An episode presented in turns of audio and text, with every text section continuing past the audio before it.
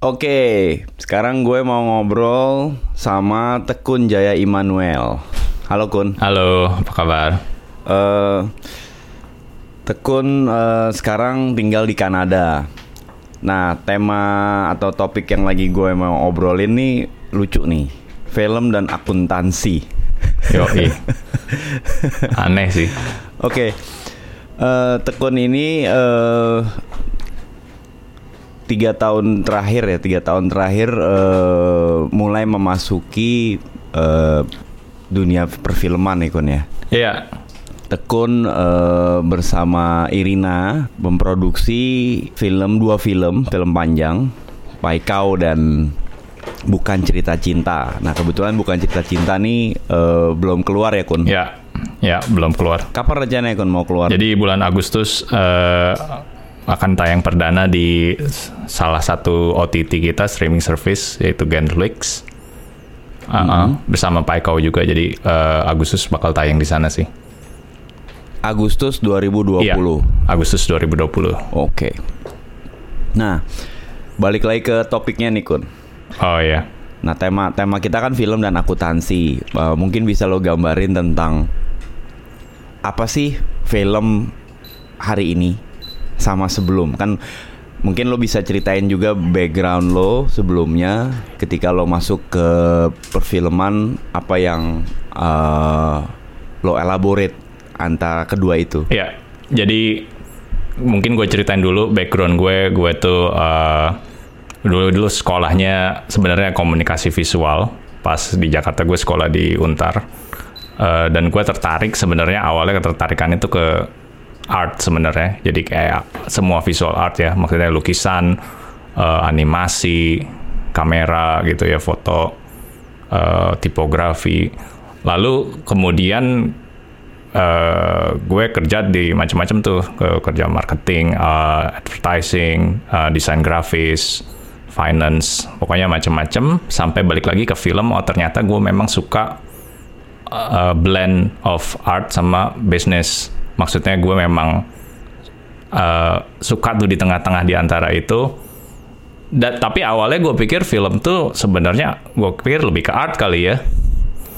Uh, awalnya gue mikir gitu Nah, makanya gue oh berarti emang gue harus uh, lebih banyak uh, fokusnya di di di bidang-bidang yang related ke artnya misalnya kreatifnya story-nya atau gambarnya atau desainnya atau apa gitu ya tapi kemudian pas gue ngejalan itu gue produksi gue kita, uh, kita bareng-bareng tayangin terus uh, kita cari distributor dan lain-lain. Gue baru sadar tuh ternyata ya namanya film itu sebenarnya bisnis bisnis Oke. barangnya film.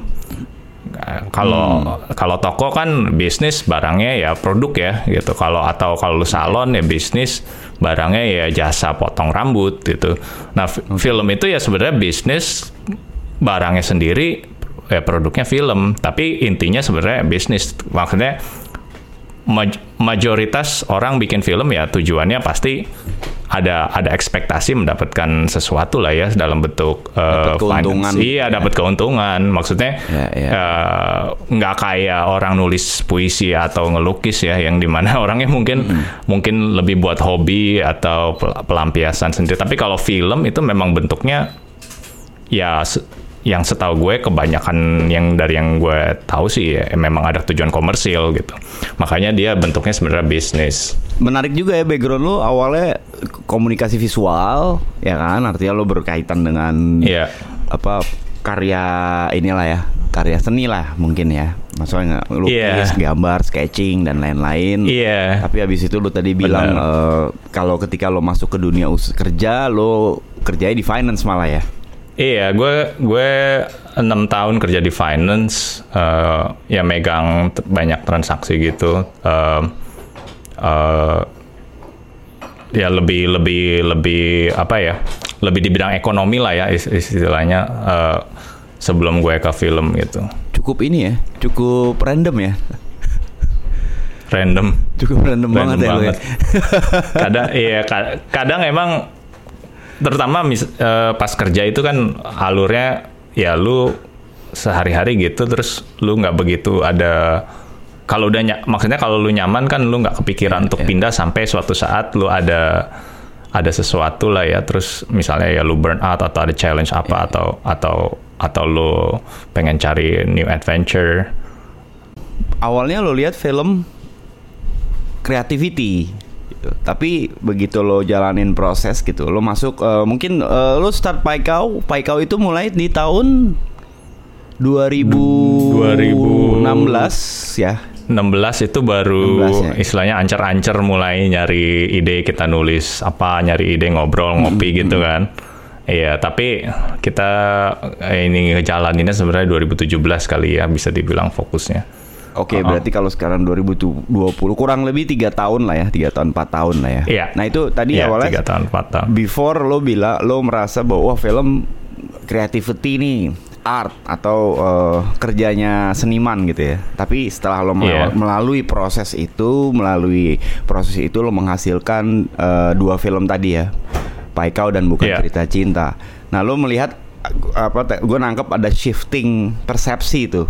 Bukan sih apa Iya. bukan shifting ya disorientasi persepsi atau gimana tuh dari dari kreatif Iya, terus lo melihat bahwa oh film ini bukan bukan bukan pure art. Jadi andai kata pertama ya, misalnya gue tanya persentasenya antara artistik sama usaha atau bisnis tuh gimana tuh? Itu dulu mungkin. Nah, mungkin gue pikir tadinya tuh sekitar 70-30 lebih ke art, lalu kemudian pas gue jalanin mulai shifting tuh. Awalnya ketika kita mulai eh, logikanya ketika kita mulai sebelum produksi dari cerita ke produksi itu baru mulai kepikir tuh oh ya ternyata mungkin 50-50 kali ya. Tapi Oke. ternyata pas gue jalanin malah terbalik, lebih banyak bisnisnya. Kayak misalnya gini, analoginya uh, measurementnya misalnya kuantitatifnya waktu lah ya. Hmm. Filmnya itu kreatifnya itu proses secara waktu aja misalnya ya lu lu bikin cerita produksi selesai. Ya kan? Keren. Tapi sebelum dan sesudahnya itu itu waktu yang lama banget ketika uh, financing lalu ke distribusi dan seterusnya manajemen uh, revenue-nya gimana itu kan panjang setelahnya itu. Itu semua bisnis semua. Kalau filmnya udah jadi itu se- seumur hidup ya sebenarnya lebih ke bisnisnya kreatifnya ya mungkin di bidang marketing ada lah bikin trailer atau apa atau grafis tapi udah udah minimal banget jadi secara waktu juga misalnya produksi eh, pre-produksi atau produksi tiga bulan ya udah kreatifnya kan di situ doang setelahnya udah nggak ada kreatif nih bisnis semua kan Oke. Jadi 100%. Nah, bisa, bisa lo bisa lo gambarin apa apa yang jadi yang jadi key pointnya gitu sampai itu challenging banget di wilayah bisnisnya. Challengingnya ya banyak ya sebenarnya. Satu dari ya ngo- ngomongin di mana dulu nih kalau di Indonesia yang sa- satu pasti ada faktor regulasi. Dari regulasi aja bentuknya nggak jelas atau kita kementeriannya aja kementeriannya pindah-pindah mulu. Mau bikin PT susah. Gitu. Oke, oke. Eh, dari da- maksudnya belum mulai ngomongin cerita nih baru bikin PT aja susah banget gitu kan. Eh, eh, kementeriannya ke sini bilang sana dari eh, apa eh, sampai ada rancu ada Bekraf juga ada ada Kemenpar ada dari situ Mendikbud yang yang yang yang di Indonesia sendiri itunya udah apa regulasinya udah kisruh uh, nggak begitu jelas kita cari tahu sendiri. Itu itu dari situ udah ketahuan. Lalu lalu bentuk bentuk ekonominya gimana? Uh, karena di Indonesia ini juga nggak ada bentuk data terbuka. Maksudnya eh, gue bandingin dengan yang gue tinggal sekarang ya di Kanada. Eh, di sini semua bentuk eh, film financing eh, ekonominya semua kebuka. Karena karena partially selalu eh, government funding ada ada ada di ada terlibat di financing. Jadi eh, sebagai bentuk respons balik mereka minta laporan eh, keuangan eh, produksi misalnya budgetnya berapa apa itu open walaupun detailnya enggak tapi eh, overall itu open dan kita bisa akses. Jadi itu lumayan jelas bu- buat kita kita itu ada gambaran jelas kalau oh kalau mau bikin ini kira-kira budgetnya segini, government nanti kira-kira bisa bantu segini. Itu lumayan jelas buat kita sebagai filmmaker gitu. Oke. Nah, tadi lo lo ilustrasiin bahwa kayak eh, film tuh produk gitu. Ya. Kalau di toko produknya mungkin makanan atau tapi kalau sebagai pembuat film atau pembisnis ya, pengu- orang yang menjalankan usaha film itu ya produknya film itu bisa lo kasih apa ilustrasi yang lebih luas nggak atau lebih ini lagi lebih spesifik lagi? Iya, jadi secara ekonomi kita kan eh, sebenarnya kalau jualan toko nih gini ya. gue analoginya jual toko aja nih karena gue dulu kerja di Mangga 2. Oke oke. Oke oke. Jadi kalau kita punya toko nih, kita kita kan harus punya produk yang dijual dong. Produknya apa kayak mau jual kamera, mau jual HP, jual laptop kalau di Mangga 2 gitu, jual baju. Lu harus beli dong. Lu harus beli dengan um, istilahnya oh beli baju ini, gue beli dari pihak A, modalnya sekian. Kalau gue mau untung 10.000 ribu, berarti gue harus jual harga modal gue plus 10.000 ribu ya. Nah, film itu sendiri, kenapa gue bilang bisnis? Karena film itu sendiri harus ditakar secara ekonomi. Karena lu lu mau untung sekian, ngitungnya gimana kalau lu nggak bentuk itu eh, terjemahkan itu dalam bentuk uang ya. Maksudnya film itu sendiri lu harus terjemahin dalam bentuk yang te- paling tangi- tangible itu dalam bentuk uang. Jadi, oke, berarti film ini nilainya sekian. Dari mana? Dari, dari budgetnya, gitu kan? Kalau gue mau untung sekian, berarti film ini gue harus jual untuk dapat sekian, baru gue bisa untung sekian, gitu. Jadi sebenarnya sama produk. Kenapa itu produk? Karena itu tadi, lu harus lu harus hitung itu sebagai harga modal kalau lu mau untung seandainya lu mau break even pun nggak nggak masalah cuma kan lu harus hit- hitung hitung dulu dong break evennya nanti di berapa kalau nggak nggak tahu kan kalau ada istilahnya ada distributor datang kucuk-kucuk gitu. Dia mau beli film lu. Dia mau beli sekian. Ya lu taunya eh, ini untung apa enggak? Apa lu rugi? Dari mana? Kalau lu nggak ngitung dari awal gitu kan. Oke, jadi jadi memang memang eh, sebagai satu apa kesatuan yang utuh, film itu memang punya punya kerumitan-kerumitan atau hal-hal yang yang bukan cuma masalah bikinnya aja ya. Iya iya. Eh, ada banyak hal sih sebenarnya karena dan dan sulitnya film itu multi multifaktor. Kalau misalnya kita lihat produk film, misalnya kita bilang film sebagai produk, oke, gimana bikin skripnya sampai akhirnya film itu diselesaikan, yaitu satu faktor sendiri. Tapi setelah it filmnya jadi, itu ada banyak faktor lagi yang harus dilakuin gitu ya. Iya dan kebanyakan itu faktor ekonomi memang. Jadi buat gue perjalanan ini juga eh, pembelajaran maksudnya buat gue berkembangnya eh, pengetahuan gue ya maksudnya secara secara film maupun secara manusia maksudnya eh, ya itu tadi maksudnya ketika gue meng- ekspektasi gue tuh eh, film itu bentuk artistik kayak kayak kayak ekspresi gitu ya kebe- eh, eh, tapi pas dalam perjalanan itu ya ya gue eh, cari cari funding dan lain-lain eh, dari dari dari cerita itu. Gue baru maksudnya dengan ketemu banyak orang eh, eh, apa diskusi dengan dengan orang-orang yang udah lebih berpengalaman di bidang ekonomi. Eh, dari situ gue belajar banyak sih berubah shiftingnya itu eh, awalnya gue pikir ya film ya bikin cerita aja yang bagus dengan sendirinya akan ada investor. Oke. lalu eh, kalau udah jadi tayangin aja di bioskop terus dapat duit. Tapi kenyataannya tuh nggak segampang itu. Dan dan setiap langkah yang gue ambil tuh eh, biasanya mentok mentok. Tapi dari mentok itu gue belajar karena dari mentok itu gue belok. Berarti gue menemukan cara-cara lain antara yang biasa atau yang nggak biasa Eh, sebenarnya kalau bikin ngomong bikin film ya yang penting apa ya tekun aja sih maksudnya eh, Tekun kayak nama maju lo ya. terus. Tekun. iya. Sebenarnya oke. bis- bisnis aspeknya itu lebih lebih negotiable. Maksudnya gini, ketika lu mau tayangin di A nggak bisa, ya lu Hmm. harus nego sama orang lain. Pasti ada ada kesempatan. Gue percaya film itu secara bisnis dia selalu ada jalan ya. Yang penting lu secara secara artistik lu punya gambaran yang jelas mau bikin dari awalnya nih ya mau bikin apa dulu mau bikin apa dulu nih kita udah, udah punya gambaran ya udah bikin tapi kan pas selesai jadi gue juga baru mikir tuh ini gimana jualnya nih Jadi jadi Nah, jadi maksudnya oke kita ini coba- kita bicara ketika oke setelah skripnya jadi nih. Lo udah punya skrip ya. Iya. Lalu yang terjadi apa Iya. tuh Kun? Apa yang apa proses Yang apa yang terjadi lo ya, yang terjadi ketika gua c- coba pitching script itu nggak bisa nggak mempan. Hmm, kenapa? Ternyata yang gua harus pitch itu business proposal. Oke. gitu. Karena buat investor yang ngomongin uang itu itu pertanyaannya ya terus balikinnya gimana? Hmm. terus dapat untungnya apa? Oke oke.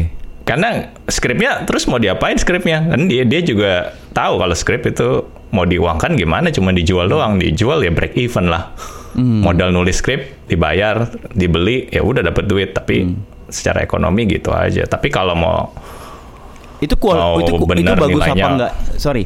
Itu mas uh, maksudnya ketika oke dia skripnya mau diapain. Jadi eh skripnya sendiri dibaca atau Enggak. mereka apa Enggak. eh, kualitas skripnya itu dipahamin Enggak. atau gimana tuh? Boleh jelasin sedikit kan tentang itu?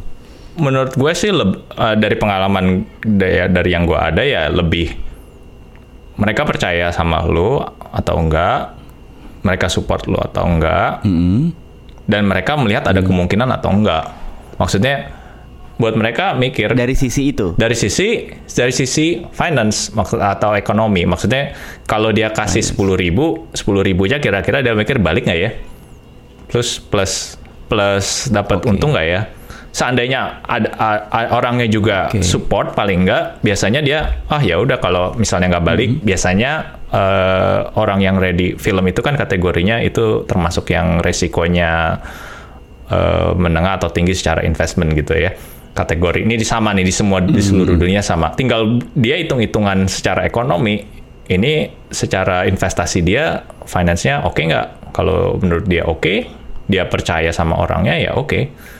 Lalu timbul masalah kedua sebenarnya.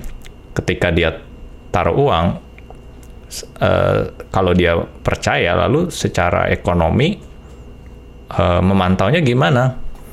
Kalau kalau kreatif kan ada nih memantau ya.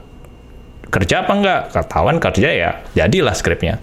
Kalau kerja ya jadilah syutingnya kamera. Kalau ekonomi caranya gimana? Ya dengan akuntansi. Maksudnya satu-satunya cara ya dia harus ada laporan yang jelas bentuknya transparan lalu bisa diukur. Maksudnya eh, terstandarisasi lah gitu.